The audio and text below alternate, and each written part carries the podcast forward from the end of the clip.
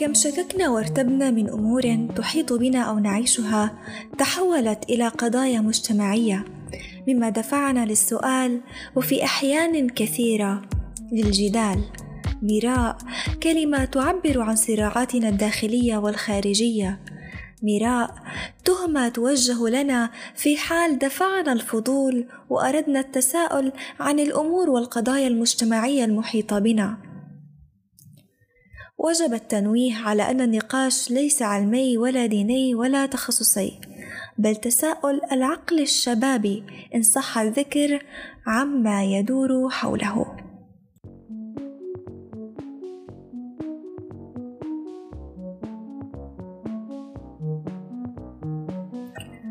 تقول مي زيادة من ظريف النكات في الثناء على المرأة الذكية قولهم إنها تجاري الرجال ولماذا لا تكون مجارية نفسها التي تكتشفها كل يوم؟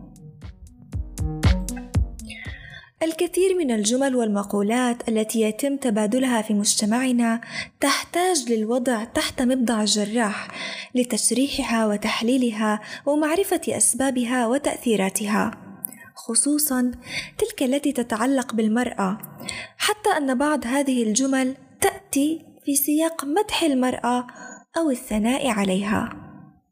مثل المرأة بمئة رجل أو امرأة تجاري الرجال. وهنا يأتي النقاش.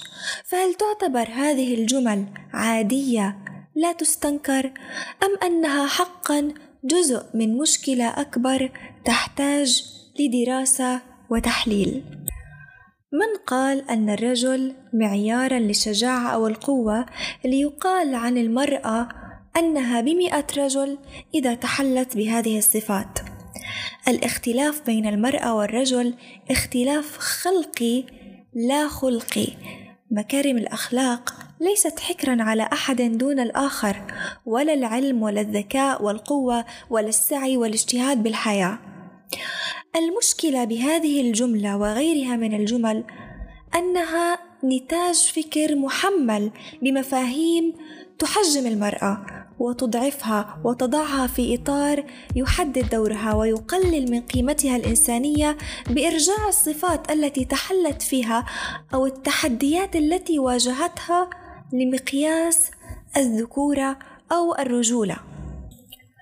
طبعا هذا النوع من التصنيف لا ينطبق على المرأة فقط ولا حتى بهذه الجملة فقط.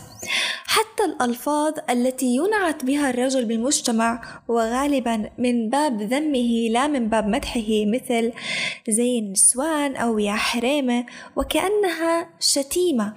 هي نوع آخر من التحجيم والتحديد برأيي على الرجل أن يرفضها قبل المرأة.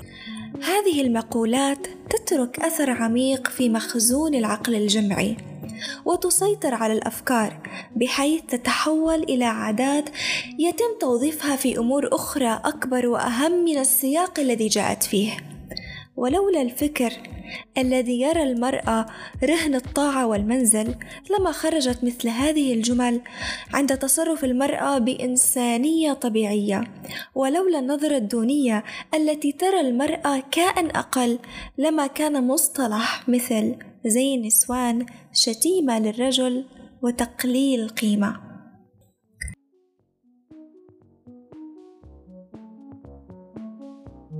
سواء كانت هذه الأشياء إيجابية أو سلبية الرجل خلق وهو إنسان والمرأة خلقت وهي إنسانة. لم يخلق أحدهما ليقارن بالآخر لكل منهما دوره. استنكار قول جملة مثل امرأة بمئة رجل لا يأتي في سياق التقليل من شأن الرجل أو رد الإهانة بالإهانة.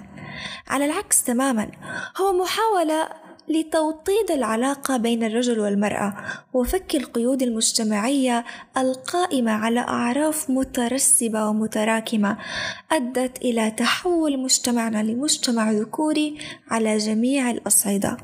ذكورة تظلم المرأة والرجل على حد سواء في معاييرها. كجعل بعض المشاعر كالبكاء للنساء دون الرجال أو إحالة نعمة تربية الأبناء على عمل أنثوي بحت وحكر العلم والتطور على الرجل وغيرها الكثير. يعني غريب هالمجتمع حتى لما بده يمدح المرأة بيمدحها غلط. المرأة قوية قوية. مية مرة بس مو قد مية رجل. ما حدا ميقياس للقوة أو النجاح أو غيره.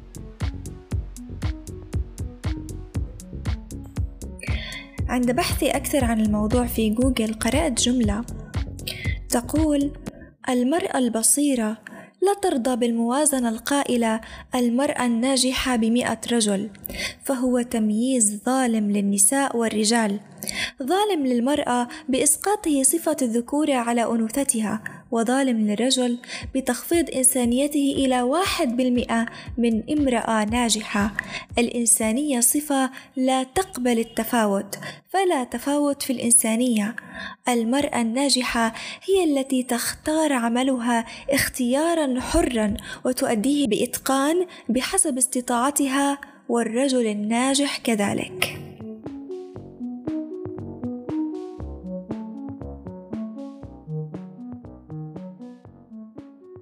هذه كانت حلقتنا الأولى من بودكاست ميراء نتمنى أن نكون أثريناكم ولو بالقليل. يمكنكم المشاركة بالحلقات القادمة من خلال إبداء رأيكم أو المشاركة صوتيا في البودكاست من خلال متابعتنا على الانستغرام ميراء بودكاست. إلى اللقاء.